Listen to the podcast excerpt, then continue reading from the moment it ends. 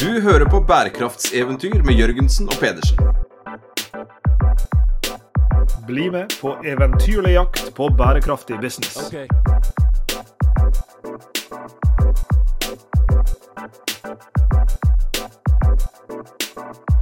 I denne spesialepisoden av Bærekraftseventyr Sveinung, som er produsert i samarbeid med klimafestivalen Varmere, våtere, villere, så sitter vi fortsatt på vårt mobile podkaststudio i Kulturhuset i Bergen på dag tre av denne festivalen. Og vi er glad for å ha fått besøk av Sigrun Jarløv Aasland, som står på programmet i dag. Skal snakke bl.a. om sløsing på det programmet. Eh, Sigrun eh, hun er daglig leder i Zero. Eh, og hun er kommet hit eh, for å snakke med oss bl.a. om hvordan i all verden vi skal nå de ambisiøse klimautslippsmålene som vi er nødt til å nå. Velkommen til oss, Sigrun. Tusen takk. Ja, Vi kan jo begynne med det, da. Zero. Ja. Vi kan jo tenke at, at, alle vet hva det er, men jeg tror ikke alle vet hva det er. Så du kan jo... Jeg kan si litt om det. Ja, ja, Zero er en forkortelse for Zero Emission Resource Organization. Eh, og vi er en Eh, klimaløser, liker vi å tro. Vi er opptatt av eh, klimagassutslipp og få de ned, eh, og jobber med mange norske særlig virksomheter med å både vise fram gode klimaløsninger, som veldig mange bedrifter driver med, og masse på politikerne og vise dem hva de kan gjøre for å få flere gode klimaløsninger opp og skalere opp den klimateknologien vi har. Ganske ambisiøst navn, da. Zero. Skal ja. vi gå til null, altså? Men vi skal jo det. Mm. Eh, vi må jo til null i 2050. Det var jo det FNs klimapanel slo fast i fjor. og Hvis ikke så er konsekvensene helt katastrofale. Og jeg tenker at eh, det, den bevisstheten om at vi skal til null, den er viktig også for hvordan vi snakker om klimapolitikk. fordi før så snakket vi mer om at utslippene skal litt ned, og da må vi tenke oss nøye om. og vi, Hvor skal vi ta de kuttene, og kanskje noen andre land skal gjøre det, kanskje ikke vi skal gjøre det her i Norge. Men det er liksom litt endret nå, fordi alle skal til null. Eh, og da er det egentlig ikke noe å lure på. Da må vi eh, komme oss først, For det første skal vi jo kjapt ned på under halvparten av de utslippene vi har nå, på åtte år innen 2030. Eh, og så skal vi til null i 2050, og det må vi. Og hvor er vi i dag, da? Hvor hvor langt unna null er vi? Nei, vi er ganske langt unna. Eh, har det ikke skjedd noen ting med norske utslipp eh, siden vi begynte å snakke om dette. Eh, så fra 1990 og fram til i dag så har på en måte utslippene gått litt opp. Og så har de gått litt ned, og så ligger de liksom og vaker rundt 50 millioner tonn i året. Hvis vi skal kutte 55% innen 2030, som er det regjeringen sier at vi skal, og som vi har lovet alle de andre landene som vi møtte i Paris og som vi møtte i fjor i Glasgow, så skal vi slippe ut 23 millioner tonn i 2030. Så det er ganske mye mindre. Jeg ble så glad når jeg så en, sånn der, så en sånn annonse for Fit for 55, så trodde jeg at det var et sånt program for meg, så jeg skulle prøve å komme meg i form til jeg var 55. Men så skjønte jeg at ikke bare med å komme i form fysisk, men her er det altså faktisk eh, snakk om å, å, å, komme seg i form for å redusere, eh, redusere med 55 er det ja. sånn? Vi skal redusere utslippene med 50-50 sammenlignet med 1990-nivå. Men siden det i grunnen er det samme som nå, ja. Eh, så er det ikke så viktig med den 1990-referansen, med mindre du vil ha helt uh, ja. detaljer på det. Det høres så overambisiøst ut. Ja, vi driver og regner på det, for det liker vi å gjøre i Zero, hva som egentlig må til. Ja. Og det er mulig å gjøre det. Ja. Det som er den kjempegode nyheten Jeg tenker det er to kjempegode nyheter. da. Den ene er jo at er, jeg tror vi er ferdig litt nå med denne debatten om er klima egentlig så veldig viktig, og klimakrisen, er det noen skeptikere som kanskje har noen motforestillinger mot, mot den og sånn. De blir liksom ikke helt invitert lenger, og, og vi har skjønt nå at sånn er det. Og vi må eh, kutte utslipp, og vi må til null. Så det er det ene som er bra. Og det andre som er bra, er at det har skjedd en helt vanvittig teknologiutvikling både i norske bedrifter og i hele verden. Eh, som betyr at eh, vi skal fortsatt utvikle mye ny teknologi, men det vi trenger for å kutte utslipp fram mot 2030, det har vi. Men vi har den teknologien. Problemet med teknologien som er grønn, er at den nesten alltid er dyrere enn den som ikke er grønn. Så det er mye billigere å velge fossilt enn det er å velge grønt på nesten alle områder. Og da går det jo litt for sakte, da. Så hvis, hadde, hvis vi hadde uendelig med tid, så kunne vi bare lent oss tilbake og så kunne vi tenkt at markedet fikser dette. Eh, bedriftene kommer til å utvikle grønne løsninger, for det kommer til å lønne seg. Og de kommer til å ta det i bruk, fordi fornybar energi er mye mer effektiv enn fossil. Men eh, så har vi så dårlig tid, da, og da trenger de litt hjelp. Du høres ut som en økonom, Sigrun, og det er jo fordi at du er en økonom, Ja. akkurat som oss. Eh, og, og eh, er det en ting vi økonomer tror på, så er jo det arbeidsdeling. Og her er jo en arbeidsdeling i klimautslippsutfordringer også. Når vi går rundt på huset her i, under festivalen, så eh, har vi møtt på Anja Bakken Riise, som, som Sveinung sa, som eh, driver med sitt individuelle klimaregnskap. Vi har møtt på næringsministeren, vi har møtt på klima både tidligere og, og nåværende klima- og miljøministre. Vi har møtt ordførere og fylkesordførere. Eh, Jeg gikk sågar en, en tidligere statsminister og tråkka her i, i går kveld. Løsningene her, de ligger, eh, og jeg nevnte ikke engang her alle forretningsfolka som er her, eh, og løsninga ligger jo nettopp i samspillet mellom de grepene disse politikerne må ta, grepene som disse næringslederne og alle deres ansatte må ta, og så også grepene som alle Anjaene og Sigrunene Lars Jakobene og Sveinungene rundt omkring eh, må ta hjemme hos oss sjøl. Eh, Og Når dere jobber med dette her i, i Zero, og dere ser på løsningene der ute, hva, hva er de store tingene som må gjøres på ja, Du kan få lov til å velge fra denne menyen, der, for det er, mange, det er mange hender som skal flytte dette dyret. Ja. Eh, og hva er det viktigste vi må gjøre? Det aller viktigste, og det er jo, det kan vi komme tilbake til, men det er jo enda tydeligere nå da, når Europa er i krig og vi ikke har lyst til å være så veldig avhengig av Russland lenger. Vi må bort fra fossile energikilder. Eh, I Norge har det jo skjedd utrolig mye på personbilmarkedet. Eh, de aller fleste som kjøper ny bil nå, kjøper elbil, og det er fantastisk. Og det har jo vært fordi myndighetene har sørget for at det er en billigere løsning. Så enkelt. Um, så det vi sier nå er at nå er det vanlige lastebilers tur. Men Nå er det godstransport og tungtransport, og også sjøtransport for så vidt, som må over for, på fornybar energi. Så det er en stor og viktig oppgave. Eh, I Norge er det sånn at vi har veldig mange små bedrifter. Eh, Sju av ti lastebilselskap eier færre enn fem biler. Nå. Da har du ikke veldig mye ekstra liggende som du kan eh, eksperimentere med grønn teknologi med. Da trenger du drahjelp. Eh, men det er en, et kjempestort og viktig løft som trengs å gjøres.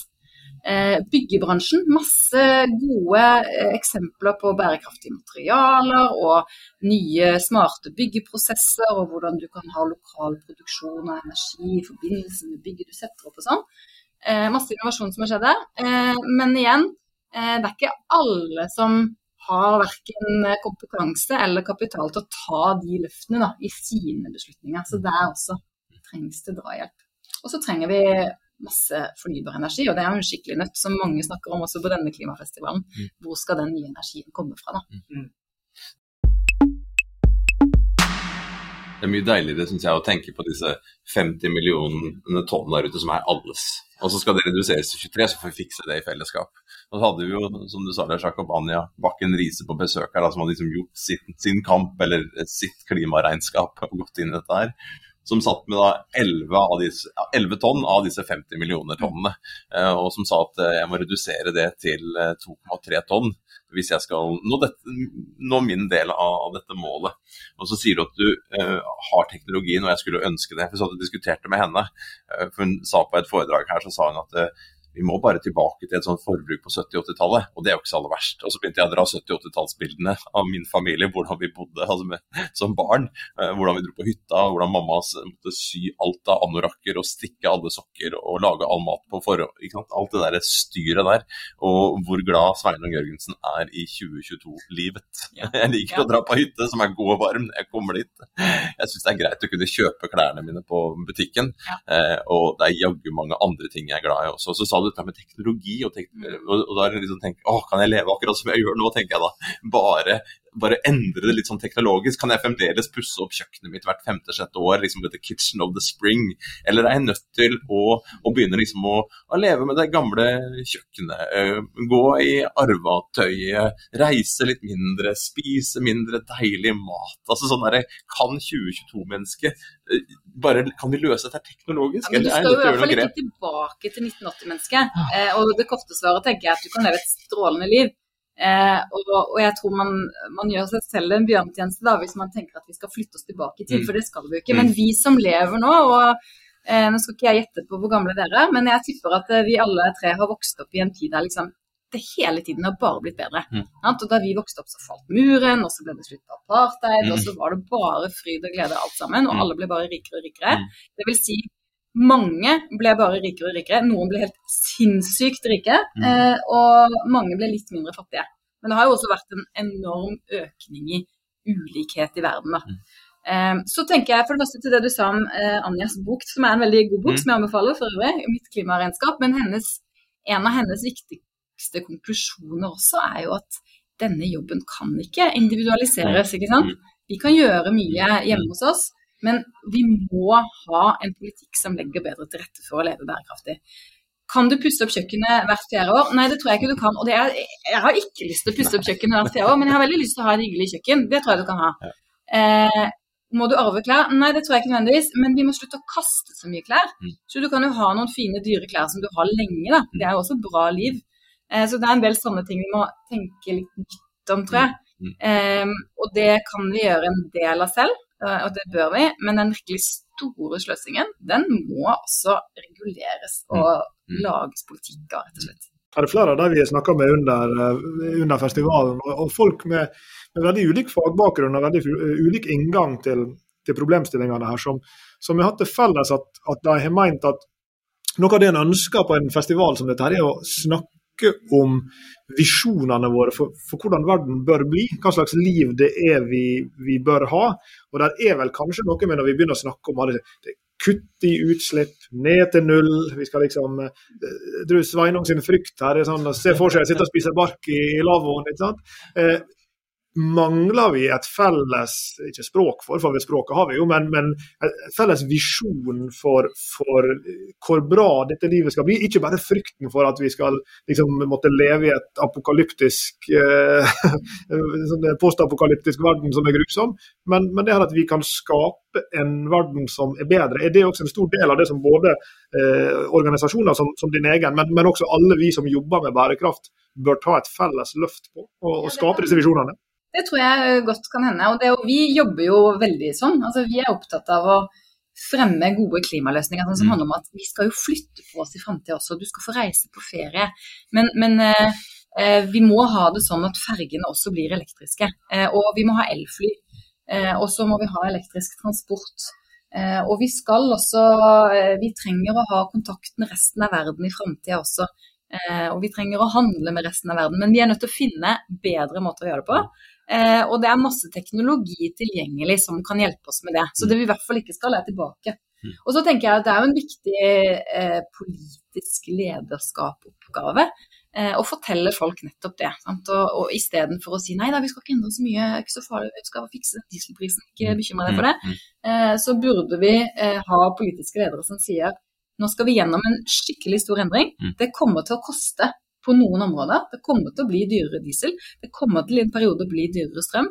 Vi skal fordele den kostnaden på en rettferdig måte, og vi skal sørge for at det blir gode jobber til alle. Altså, det er noe med å gi den tryggheten litt, da. Og så er det jo også, eh, jeg var inne på dette med forbruk og midt i mye vi forbruker og sånn. 10% av verdens befolkning genererer halvparten av alle klimagassutslippene. Eh, så hvis vi liksom tok ved noen av de der private jetflyene og noen av oligarkenes store yachter, eh, så hadde vi løst ganske mye bare med det, og det hadde ikke Sveinung merket. bare, bare for å ha sagt det, da. Jeg er villig til å ta i hvert fall en halv en for laget. Jeg tar ikke en hel for laget. Neida, men altså, jeg mener helt seriøst, jeg er villig til å, å, gjøre noen grep hvis jeg forstår at det har en, en aggregert verdi. Ikke sant? Men det er ikke alltid så lett å se Eh, seg selv i det, i det store, og, og, hvilke knebøy er det man sjøl skal ta. Og hvilken effekt har det egentlig på fellesskapet? Og så kan man jo dra langt utenfor Norges grenser. Eventuelt oligarkene. ikke sant? Ja, hva jeg gjør kontra en oligark, eller hva jeg gjør i, i, i forhold til et, et land Du er uansett bedre enn oligark. Ja, ikke sant? Så deilig. I hvert fall langt nok enn dimensjon. Nei, bare men jeg tror vi må liksom Vi trenger Du har sikkert rett i at vi vi alle kan bli bedre på å tegne opp den visjonen. Mm. Eh, og så er det mye vi kan gjøre som individer, men de virkelig store løftene, det er på en måte ikke Du kan ikke alene i ditt eget hus kutte utslipp eh, nok, fordi du trenger drahjelp til å mm. gjøre det. Og så er det jo en del av dette eh, Vi er jo veldig godt vant til at det hele tiden går an å kjøpe nye ting og bruke masse strøm og, og, og, og reise mange steder mm. uten tanke for mm hvilke ressurser som legges i det. Og det går jo ikke lenger, fordi disse ressursene er i ferd med å bruke opp. Og Der har vi jo eh, noe til felles, tror jeg, Sveinung og jeg og, og, dere i Zero, slik vi, vi kjenner dere. Eh, for, for her er vel en felles forståelse her av at eh, det som, som du er inne på her nå, at for at Sigrun og Lars Jakob og Sveinung skal kunne leve disse grønnere nullut, lavutslipp og til slutt nullutslippslivet, så trenger vi de produktene og tjenestene som et næringsliv kan tilby oss, som hjelper oss til å gjøre det, og som gjør det på skalerbare måter, og som ikke minst gjør det på lønnsomme måter for de eh, virksomhetene. Og, og, jeg tenker på jeg tenker på akkurat denne, denne utfordringa der i, å, i, et næringsliv da, som, som, skal, eh, som, som, skal, gjøre disse endringene. og, og ja, Spørsmålet mitt er vel kanskje, når dere samarbeider med næringsliv, som jeg, som jeg vet at dere gjør, hva er det du ser rundt deg i dag som, som gir deg mest grunn til optimisme i dette næringslivet, som, som skal jo utøve disse løsningene, som skal hjelpe oss å leve disse livene på måter som både tjener dem godt, fordi de kan tjene på vår nye grønne livsstil, eh, men som også gjør disse livene våre minst like komfortable som de har vært. Nei, det, jo, øh, det, gir grunnlag for optimisme at det er veldig mange virksomheter som ser skriften på veggen, sant? og som skjønner hvor det bærer, og som utvikler løsninger. Eh, vi har i Norge bedrifter som produserer resirkulert stål, eh, som produserer resirkulert isolasjonsmateriale. Eh, det er mulig å bygge bilveier f.eks. med halvparten av de utslippene som vi har i dag. Um, og så gjør vi det ikke. Og det er det ikke fordi teknologien ikke fins og fordi ikke for norske bedrifter har funnet ut hvordan de skal gjøre det. Eh, det er fordi at eh, vi teller ikke de utslippene. Vi stiller ikke krav til de utslippene. Eh, så når det offentlige kjøper inn varer og tjenester for 600 milliarder kroner i året, så kunne man stilt mye strengere klimakrav. Man kunne forbudt å bygge store kontorbygg og næringsbygg som har for høye CO2-utslipp. Man kunne gjort masse som også ville skapt Dette jo, eh, burde jo være interessant for denne regjeringen, da, men ville skapt masse arbeidsplasser i distriktene. Mo i Rana lager de resirkulert stål, de kan lage masse mer. Men det er ingen som spør eh, Statens vegvesen eh, om hva slags materialer de har brukt når de bygger en vei. For det er ikke utslipp som teller, da. Så det er jo eh, grunn til optimisme. Ja, fordi teknologi utvikles, og fordi en del ligger framme i skoa. Eh, det som kanskje den store utfordringen er jo de som ligger lengst framme, det er jo de store virksomhetene, da. Som har løfteevne. Um, og så er jo de fleste virksomheter i Norge små.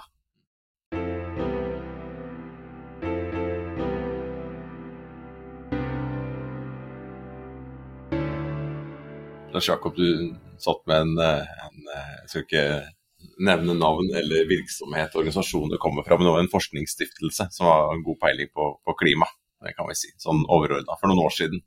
Og så jobber vi med næringslivet. Og så manet vi da litt til, til, til tålmodighet. Eh, for det er jo ikke bare å skru av kranen, for å bruke det bildet. Eller det er jo ikke bare å legge om opp en, en, en virksomhet som er bygd seg opp over tiår på tiår på tiår, som er tett knytta til, til, vår altså, kunders praksis. Det er der vi jobber, det er der vi handler varene våre, det er sånn vi lever livene. Og så liksom, åh, Det må bare skje en sånn endring eh, med en gang. Så vi manet litt til sånn tålmodighet, og så sa vedkommende at den der tålmodigheten kan du bare ta og stappe opp et, et visst sted, eh, sa vedkommende. Eh, og, og, her da på disse dagene Vi hadde Bjørn Samset her inne, som har som skrevet 2070-boka og Embla, og, og som har brukt nå ti år, som han sier på å sette seg virkelig inn i, i klimaproblematikken. For Det var ikke hans fagfelt i utgangspunktet, men han satte seg inn i det. Så hørte jeg på dem her i går så pratet om disse vippepunktene. Ja. Uh, jeg, synes, altså, jeg, jeg, mener ikke å le, liksom, jeg ler med litt sånn sorg, liksom, for at de sitter der og ser noe som er så tett på. Altså, vi da med næringslivet, litt sånn tålmodige. Dette her vil jo ta litt tid, og vi må se på det, og ny teknologi, og endre reguleringene. Og så sitter de og ser så tett på noe som, noe som kommer så fort. Ja. Uh, og, og, jeg kjenner jo litt på det, jeg må innrømme det er her spesielt. Og jeg kjenner litt på at jeg, jeg skulle ønske at vi kunne funnet opp og gjort ting enda raskere. Ja. Jeg skjønner jo at disse vippepunktene og de, de, eh, de problemene som vår, som vi mennesker skaper, de er så store at dette her er ikke noen hypotetisk gå mot null eller hypotetisk gå mot 50 Her må det liksom tiltak til. Kan du kjenne deg litt igjen? Ja, jeg kjenner veldig på det. Mm. Eh, det er eh, en treghet mm. i dette som jeg har tapt mye tid da, tror jeg, de siste mm. tiårene på å gruble veldig mye på hva er egentlig klimatiltakene som gir flest tonn per mm. krone? Mm. Det må vi regne veldig nøye mm. på. Og jeg mener ikke at vi skal kaste penger etter alle som sier de har et klimatiltak. Eh, men vi har oppnådd svært lite. At vi har ikke satt en høy nok pris på karbon. Det er ikke nok med CO2-avgift for å kutte utslipp. Det går altfor sakte. Eh, og særlig tenker jeg når, når jeg sitter sånn som jeg gjør nå, da vi er så tett på veldig mange virksomheter som har løsninger. Mm. Eh, vi har helt konkrete forslag. Vi kan innføre en sånn avgift. Vi kan bruke de pengene til dette. Vi må ha differansekontrakter på hydrogen, sånn at det lønner seg å velge det framfor gass. ikke sant? Eh, og så i andre enden så er det jo så er folk opptatt av veldig mange andre ting også. Eh, og så må vi tenke nøye gjennom det. Og så tar det, det tar forferdelig lang tid. Og hvis du ser på den utslippskurven da, fra 1990, sant, og så ligger den oppi der på 50 millioner, nå skal den ned til 23 før 2030. Det er jo like mange, det er like mye kutt hvert år som vi har klart på ti. Det er en helt enorm oppgave, så vi må være utålmodige. Mm. Eh, og det tror jeg egentlig mange norske virksomheter også Mm. er. Mm. Eh, men jeg skjønner jo hva du snakker om. Sant? Vi lever i Norge av olje og gass, eh, og det er jo nå ekstra tydelig eh, med konflikten i Ukraina og forsyningene av gass som er i spill, at Mm. det er farlig. Mm. Det er farlig å være så avhengig av fossil energi. Mm. Eh, og Europa og EU gjør jo nå radikale grep for å gjøre noe med det. Um, men det er jo også en ganske sånn akutt energikrise, da. Så det kan hende at det på kort sikt kommer de til å bruke mer kull Og- ønske seg mer gass fra Norge. Og det blir, på en måte litt ekstreme. Ja, vi har, en sånn, vi har den delen av industrien som, som er mot olje. Men så har vi også en stor industri som, som gjør at vi kan pusse opp husene våre. Mm. Ikke sant? Eh, Vi har en stor industri som gjør at vi kan reise. Eh, Vi har en stor industri som, som, som gir oss mat. Ikke sant? Og Altså, så- veldig mange av de har jo mange gode klimaløsninger Ja, ja. som det tar så utrolig lang tid å rulle ut. Det har vært litt sånn, Jeg skrev om det for ikke så lenge siden, sånn ketsjup-effekt i klimateknologien. Ja. At vi har snakket og snakket og snakket om hva vi må få til. Mm. Har vi masse av det? Fortell.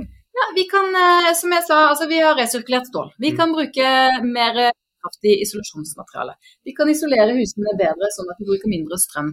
Eh, alt dette kan vi få til. Mm. At du kan bygge hus på en mye mer klimavennlig måte enn det man gjorde for kort tid siden. Men vi stiller ikke de kravene.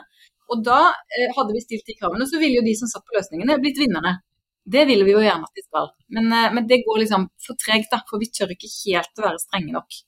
Eh, for krav vi stiller nå til f.eks. nye bygg er litt sånn ja, det må være noe som alle kan klare å levere. Nei, det må ikke det.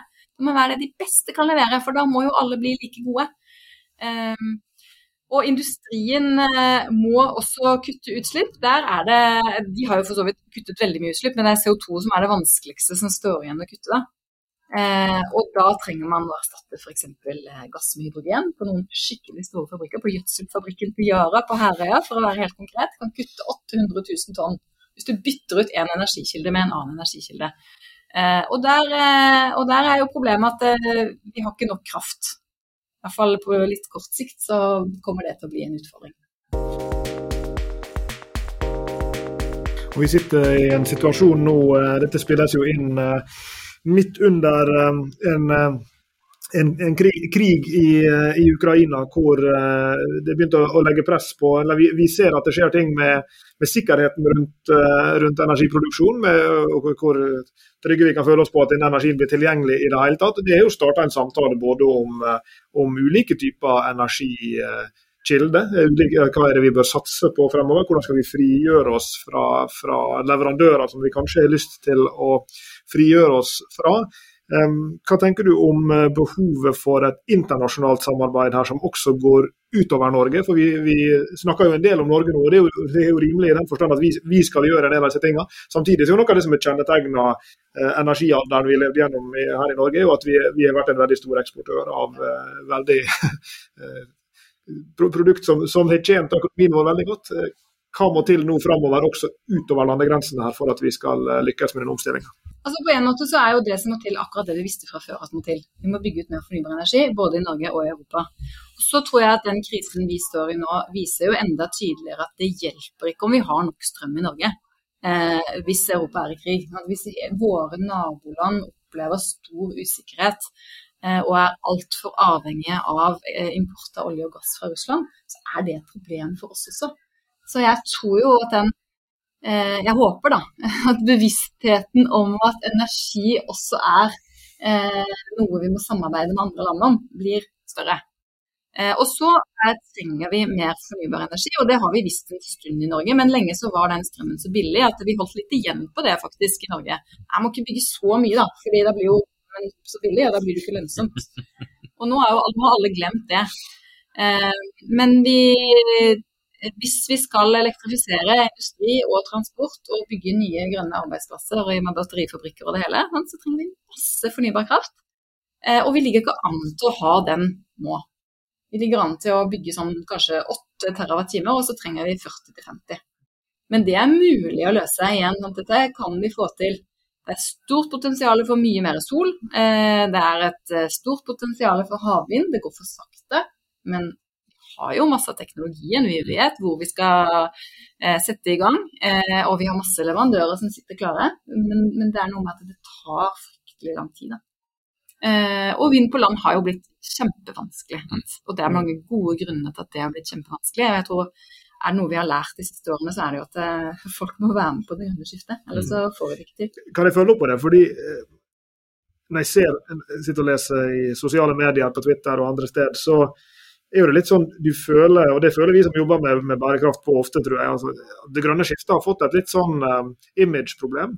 Og det er veldig treffende akkurat nå hvordan ja, altså, strømprisen er så og så mange så og så høy. Eh, tusen takk til det grønne skiftet. Eh, ikke sant? Bensinprisen bikker 25 kroner i dag, tusen takk til det grønne skiftet. Og omtrent det krig i, i, Ukraina, tusen takk til det grønne skiftet. Nesten hva som helst av problem folk ser rundt seg, kan liksom tres nedover denne grønne skiftet, virker det som. Så har vi snakka med, med, en klimapsykolog her eh, tidligere som, som ba oss om å se litt vekk fra disse nettrollene. For det er jo ikke nett, eh, nettroll-klimarealistene som egentlig skal, skal løse det her. Men det virker likevel på meg som at dette imageproblemet kanskje går litt utover de mest ekstreme nettrollene også. At det er en litt sånn forestilling tungrodd i Norge i dag om at ja, denne omstillinga her vil være for dyr. Det vil, skal vi ha enda dyrere strøm nå? Skal vi ja. Jeg tror i hvert fall på de, på de, konkrete beslutningene. Jeg er også med på et fint panel her på Klimafestivalen som handlet om folks oppfatninger om klimapolitikk da, og holdninger til klima. Og Det er noen generasjonsforskjeller der som handler om at uh, unge mennesker som har vokst opp i en tid med mer utrygghet og mer bevissthet omkring klima, er større tilhengere av også radikal klimapolitikk. Mm. Eh, men de eldste er mye flinkere til å spare, er mye flinkere til å bruke litt mindre. Og de trenger ikke pusse opp kjøkkenet hvert fjerde år eller kjøpe nye klær hele tiden. Så det er også bra, da. Så man kan jo finne hverandre litt. Um, men uh, det er jo det er igjen der jeg tenker at det, det, hadde vært fint med litt tydeligere politisk lederskap noen ganger på å si hvor er det vi skal, og hvem skal betale for det. Mm. Um, og så hørte jeg på, og nå vet jeg ikke hvor representativt det er, men uh, den, tidligere denne uken på Nyhetsmorgen så hadde da NRK intervjuet med folk på gata om at nå blir strømprisen enda høyere.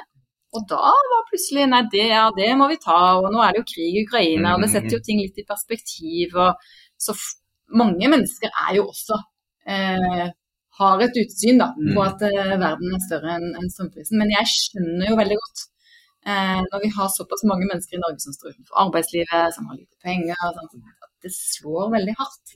Så Det største problemet handler jo om den, om den urettferdige fordelingen av kostnader. Den må man gjøre noe med. Jeg håper nå når regjeringen skal begynne å lage budsjett for 2023, at de ikke eh, skvetter for mye over høye dieselpriser. De kan ikke gjøre noe med det, men det de kan gjøre noe med, er jo fordeling av penger i samfunnet. Det mm. kan de gjøre noe med. Um, og det tror jeg også liksom, det er viktig at når vi tar inn stadig høyere klimaavgifter, for det skal vi jo, det har jo alle blitt enige om, så må de pengene komme ut igjen i klimatiltak. Mm. Da må det være sånn at han som sitter, eller hun som sitter og skal kjøpe en ny lastebil, får noe støtte til å gjøre det grønt. Fordi vi har jo betalt inn noe CO2-avgift. Og den derre Finansdepartementet liker jo ofte ikke sånne avgifter som skal ut igjen, eller som skal legges i fond og komme tilbake og sånn, fordi proveny skal være proveny. Men jeg tror at det har en viktig symbolikk det er viktig å vise at det er en grunn til at vi betaler disse klimaavgiftene. Det er ikke for å straffe mm. folk som slipper ut CO2, eh, det er for å finansiere det skiftet som vi må gjennom. Så der er det nok en del ting man kunne gjort mye bedre. Det ble pusset opp på NHH for et par år siden, eh, fått nye lekre lokaler. Eh, og så er det noen som da skal hindre sløsing, som da har bestemt i bærekraft og det grønnes navn at noen, noen av møblene skal gjenbrukes. Og da, da får jeg og Lars Jakob eh, mye skryt, av, for da kommer de bort til oss og herre nå, tusen takk, liksom. Nå skal vi bruke disse her gamle møblene eh, på nytt igjen i disse her lekre lokalene. Tusen, tusen hjertelig takk for det. Eh, Seinere i ettermiddag skal du snakke om, eh, om, å være med i et panel nordmenn i verdenstoppen på sløsing. Hvorfor snakker vi ikke mer om, om det? Eh, og Det står noen tall her ikke sant, med 200 flyttebiler hver uke med møbler som kunne vært brukt. Eh, vi har bygd oss 450 000 hytter og palasser i uberørt natur. På, på ene siden så snakker vi om liksom regulering, åh, nå skal reguleringene komme. Og så skal det skal det, skal det, hjelpe oss til det positive. Uh, I den samtalen i ettermiddag tror dere vil snakke mye om å, vi skal regulere oss bort fra sløsing. Det håper jeg. Ja, du tenker jeg elsker reguleringer. Ja, ja men tenk, altså, sånn tenk, tenk, jeg får tenke mitt eget liv, liksom. Du Sveinung, skal du kaste det bordet der, liksom? Uh, altså, skal, skal jo, men det handler jo ikke om eh, helt... kastepoliti, på en måte. Men det er klart, det handler jo noe om hva, hvordan priser dannes i markedet. Ja. Og hvor mye må du betale da for å bruke nytt materiale, f.eks. Eh, og det lønner seg jo ofte nå mer å kaste enn å reparere. Det har sikkert Anja Bakken Riise snakket om også. Mm, mm. Eh, men det å ta ut nye materialer og bruke mye plast eh, det koster ingenting. Mm, er billig å forurense. Veldig billig å forurense. Mm, mm. Og det er jo billig for den enkelte forbruker og for NHH og mm. for bedriftene som produserer ting, da. Som kunne brukt, laget nye stoler av de samme materialene, f.eks. Mm.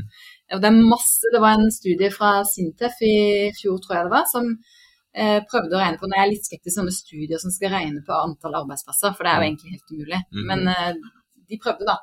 Eh, og anslo en masse potensielle arbeidsplasser knyttet til resirkulering mm. og, og, og, gjenbruk. ikke sant? Og nå i byggebransjen så driver man og prøver å finne ut hvordan kan vi, hvordan kan vi bygge i moduler som lar seg demontere og sette opp på nytt. Mm. Og det fins eh, bedrifter som lager inventarlister, liksom, sånn materialbanker, sant? som logger da inn hvilke bygg skal rives, hva slags materialer har de, hva skal bygges nytt, kan du gå inn der. Det må gjøres enklere. Mm. Eh, og Du trenger ikke å ha stygge stoler, men du trenger heller ikke å kaste de du har og kjøpe nye hele tiden. Absolutt, og vi vet det finnes jo selskaper som tar da gamle kontormøbler og så pusser de opp og fikser dem og gjør dem ja. kjempefine. ikke sant? Men reguleringen handler om at det må lønne seg, da. Ja, ja, ja, straffe seg litt og ta de dårlige valgene. Og så er det kanskje en omstilling eh, som, som kommer der da, på også innenfor etablert virksomheter. Da vi snakka med, med um, bærekraftsjefen i Elkjøp her en dag, som fortalte uh, den økende andelen ansatte i reparasjonsdelen til Elkjøp. Vi vet jo alle sammen fra tidligere hvis du skulle få reparert en, uh, en mobiltelefon eller en smarttelefon, så, så, måtte jo du finne en eller annen kuber aktør som opererte på grensen av loven i en eller annen kjeller uh, i utkanten av byen.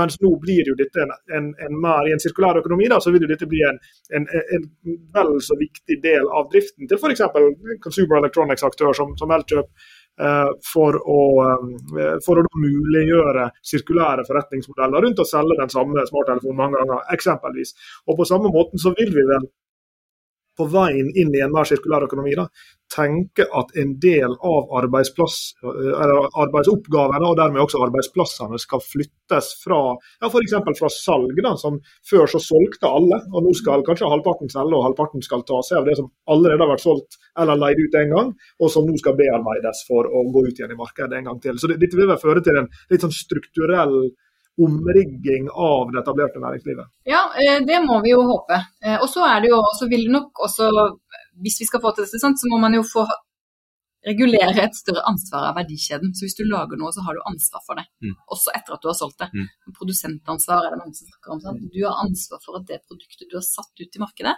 kommer tilbake på en eller annen måte. Mm. Eh, og vi har jo tenkt sånn også om CO2. at Hvis du henter CO2 opp fra bakken, ja, da har du et ansvar for å betale for å putte det ned igjen.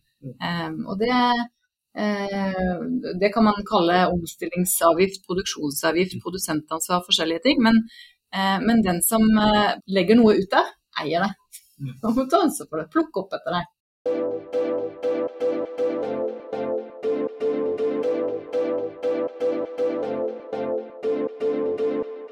Jeg hørte på um, Nobelpris, den nobelprisvinnende økonomen Richard Thaler her en dag, og han sa i en, uh, en podkastserie som jeg hører på, så sa han at den største, ikke feilen, men den, liksom, det som han så på som mest uforståelig med økonomer, det var hvorfor de som var så flinke til å påvirke samfunnsutviklinga på så mange måter, og, og, få sine løsninger inn overalt, hvorfor i all verden klarte ikke de å kommunisere og overbevise beslutningstakere om disse enkle, prisbaserte løsningene, f.eks. det du beskriver nå på, på CO2-feltet, som ville løse så mange av disse problemene. Det er vår største skyggeside, sa han i denne episoden. Hvorfor, fra en økonomisk ståsted, hvorfor, hvorfor, klarer ikke vi Hva er det som står i veien for at disse eh, løsningene skal iverksettes, både for så vidt nasjonalt og internasjonalt?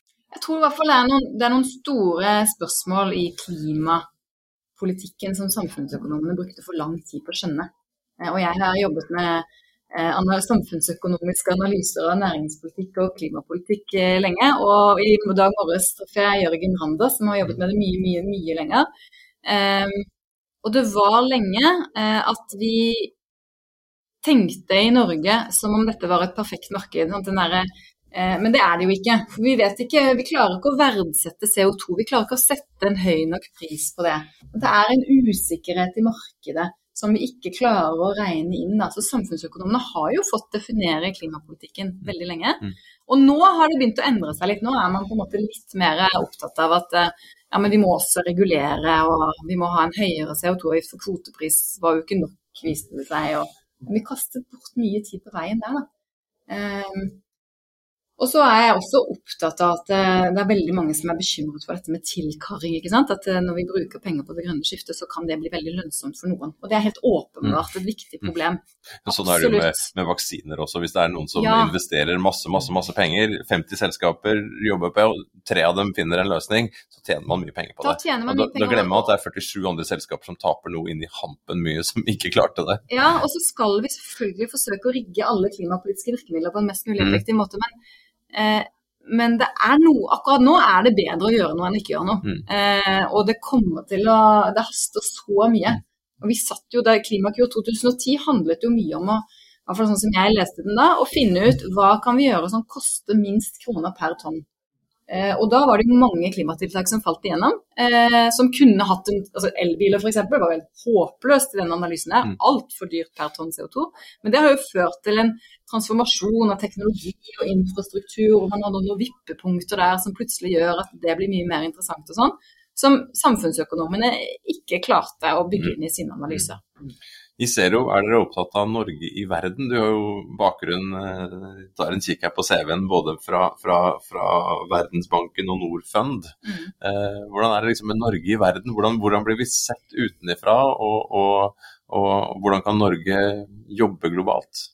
Jeg tror i hvert fall, eh, jeg begynte med at når vi alle skal til null, så er det ikke så relevant om vi skal liksom, kutte i Norge eller kjøpe kutt andre steder, for mm. alle skal jo til null. Mm. Så vi må kutte i Norge også. Mm. Eh, men jeg tror òg at eh, hvor mye vi klarer å kutte i Norge fram mot 2030, betyr mye for troverdigheten vår og for legitimiteten til internasjonale avtaler og sånn. Så det må vi liksom ha med oss. Og så eh, har vi en, eh, et ekstra ansvar, både fordi vi har blitt veldig rike på olje og gass, mm. det skal vi være stolte av, mye vi har gjort der, men, men det har vi. Eh, og det betyr at vi har et ansvar for f.eks. utvikle teknologi på karbonfangst og -lagring. Eh, mer enn alle andre har, egentlig. Eh, og det andre som vi har vært veldig opptatt av i Zero, at særlig Norge trenger å ta et ansvar for, det er jo å bytte ut energikilder i fattigere land. I verden står kull for 40% av klimagassutslippene, og veldig mange steder er det det som er energikilden. Mm. Eh, og det er store investeringskostnader knyttet til fornybar energi. Ikke fordi den egentlig på sikt er dyrere, men den har så store initielle kostnader. Så det å eh, legge penger på bordet for å finansiere vannkraftverk og sol og fornybare energikilder i utviklingsland, det tenker jeg vi har et mm. enormt ansvar mm. for å få på plass. Og der eh, mangler det mye penger. Og så kom jo i fjor regjeringen med det klimainvesteringsfondet som eh, skal bidra til dette, og som Norfund da, eh, administrerer. Som er kjempebra, mm. men som trenger mye, mye mer penger. Og det er jo en ting vi har nå. Eh, med store ekstrainntekter på olje og gass, eh, det er penger. Og penger vi kan bruke i utlandet på å gjøre verden mindre avhengig av olje og gass. Så det tenker jeg er en no-brainer akkurat nå. Vi opplever at det er mindre motstand, og det har du gitt uttrykk for også. Hvor er det du og dere møter mest motstand i dag hos folk som er av betydning? Altså i, i betydning har beslutningsmyndighet? Jeg tror det vanskeligste nå er jo utbygging av fornybar energi. Og det er helt genuint vanskelig. Mm. Jeg ser jo også det. Det er helt åpenbart at vi trenger det. Eh, men eh, da vi bestemte oss for å bygge ut f.eks. vindmøller på land, da, så brukte vi jo veldig veldig lang tid fra det ble gitt konsesjon og kommunestyret hadde sagt ja til det faktisk ble bygget noe. I mellomtiden så hadde jo teknologien utviklet seg, og turbinene var mye mye større og mye mer bråkte. og eh, Vi gjorde en altfor dårlig jobb med lokal skatteinngang. Hva skal vi få igjen, de kommunene som sitter og har disse vindmøllene? Um, og på å vurdere arealene som tas i bruk. Da. Hvor sårbare er de egentlig? For arealer er også en ekstremt viktig mm, mm, klimaressurs som tar opp CO2. Um, så det vanskeligste temaet nå er jo, um, tror jeg, hvordan skal vi få til nødvendig utbygging av fornybar energi? Og hvordan skal vi balansere det med sårbar natur. Mm. Det, er ikke, altså, det, er ikke, noe enkelt svar på. Men, men, jeg er også litt opptatt av at eh, nå må ikke vi sitte her og lage det til sånn umulige dilemma, og så blir vi bare sittende på hendene og lure på hva vi skal gjøre med det. Det er jo løsbart. Mm. Vi kan jo bygge vindmøller litt andre steder, kanskje litt mindre skala. Vi kan jo få fart på havvind i tilknytning til elektrifisering av sokkelen. Vi må finne, vi kan fordele kostnadene bedre. Eh, men det blir av og til litt sånn nei, dette er veldig vanskelig, vi må velge mellom natur og miljø, og, og begge er viktige, og ingenting. Så eh, der er det en viktig motstand. Eh, og så tror jeg hele diskusjonen nå om dieselpriser kommer til å bli vanskelig. Mm. Fordi folk eh, må betale mye mer. Mm. Eh, og det må politikerne løse uten å gjøre diesel billigere. For hvis vi gjør diesel billigere, så er jo på en måte Det var jo litt av poenget med CO2-avgiften, da. At diesel skulle bli dyrt, sånn at folk valgte elektrisk. Og så Forhåpentligvis blir det en slags mainstreaming også. Da. For, å, for å ta en veldig lang parallell, for det er ikke den beste parallellen, men jeg ser hvordan å handle klær på Tice f.eks. har blitt en helt mainstream ting å gjøre for våre studenter.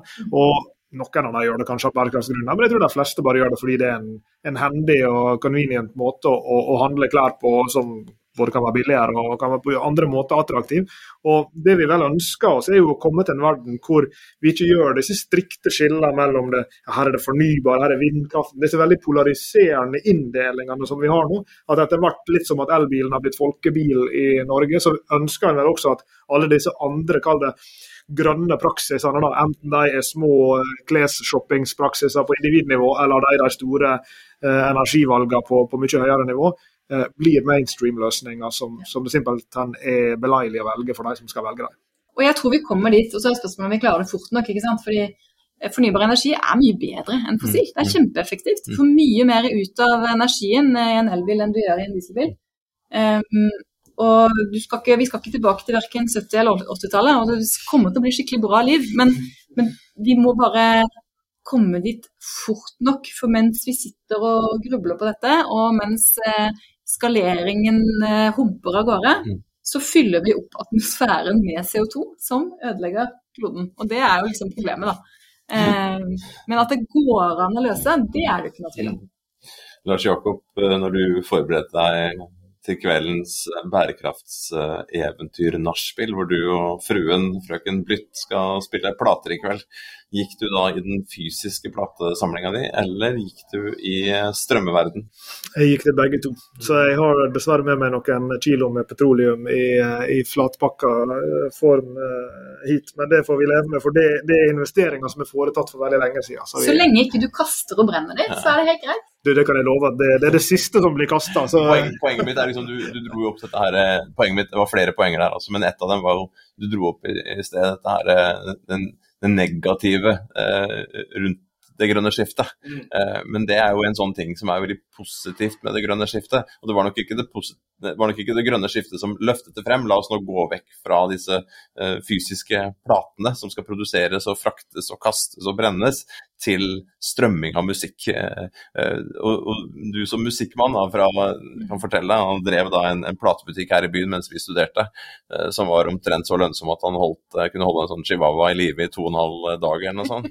Samtidig som han spilte plater, samtidig som han spilte plater da, sammen med kona og, og, mange andre, og det skal vekkes til live igjen her på slutten av festivalen i kveld. Så drar du hjem i din fysiske platehylle, og det gjør jo ikke studentene våre lenger. Det gjør jo ikke folk lenger. Men man tenker, tenker, jo ikke på det som en del av det grønne skiftet. Men det er jo et eksempel på noe som har blitt veldig mye mer enkelt tilgjengelig og, og, og, praktisk. Når vi skal ha Silja og Sol på, på scenen her eh, seinere i dag på vårt live eh, bærekraftseventyr i forkant, så, så, er det veldig lett for meg å bare åh, høre på musikken hennes mens jeg gikk herfra og til Trenger å sette deg i bilen og kjøre til platebutikken. Nei, ikke i det hele tatt. Så, så, jeg gikk jo herfra til hotellet i går, og så fikk jeg hørt igjen disse låtene som vi snakka om da, og om en av dem hvor, hvor ikke dyrene fins med, f.eks. Som vi skal prate litt mer om eh, seinere i kveld. Det, så, så, så det, jeg er helt enig med deg, Lars Jakob, og at vi har et imageproblem der. Vi er nødt til å løfte fram de historiene også og vise fram det som da er grønt, og som har ført, det, ført til at man slipper å gå tilbake til 80-tallet mm. eh, og sitte og fryse på hytta